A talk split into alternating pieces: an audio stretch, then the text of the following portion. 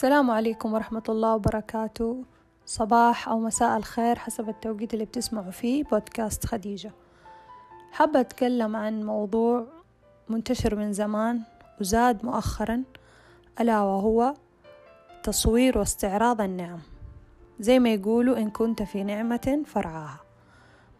يعني إحنا بدل ما نرعى النعمة اللي عندنا نصورها ونروح نستعرض ونتفشخر على الناس اللي ما عندهم النعمة دي ومحرومين منها طب أنا لما بصور وأشارك أشياء أنا عارفة غيري ما عنده دي الأشياء أو ما يملكها وأنا متعمدة الشي ده يعني مو تصوير عفوي. يعني شوف وأنا إيش عندي. أولا بعرض نفسي للحسد. ثانيا بعرض نفسي لإني يعني أجرح مشاعر الآخرين مشاعر الناس اللي ما يملكوا الشيء ده اللي عندي وتصير حسرة في نفسهم. فبدل ما أنا أستمتع باللي عندي بالخفاء أعرض وأعرض نفسي للأمور دي.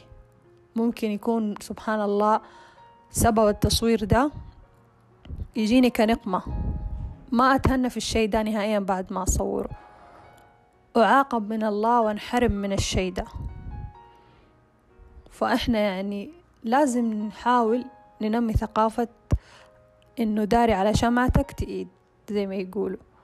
نحاول شوية نخبي الأشياء اللي إحنا نحبها الأشياء الحلوة اللي في حياتنا لأنه مو الكل يتمنى لنا الخير.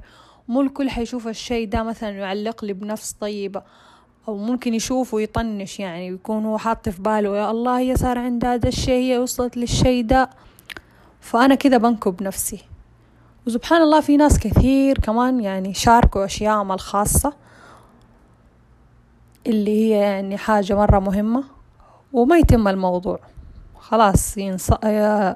زي ما يقولوا تصيبوا عين مثلا تروح البركة منه. فإحنا لازم نهتم بثقافة التصوير والاستعراض ومو كل شيء يتصور.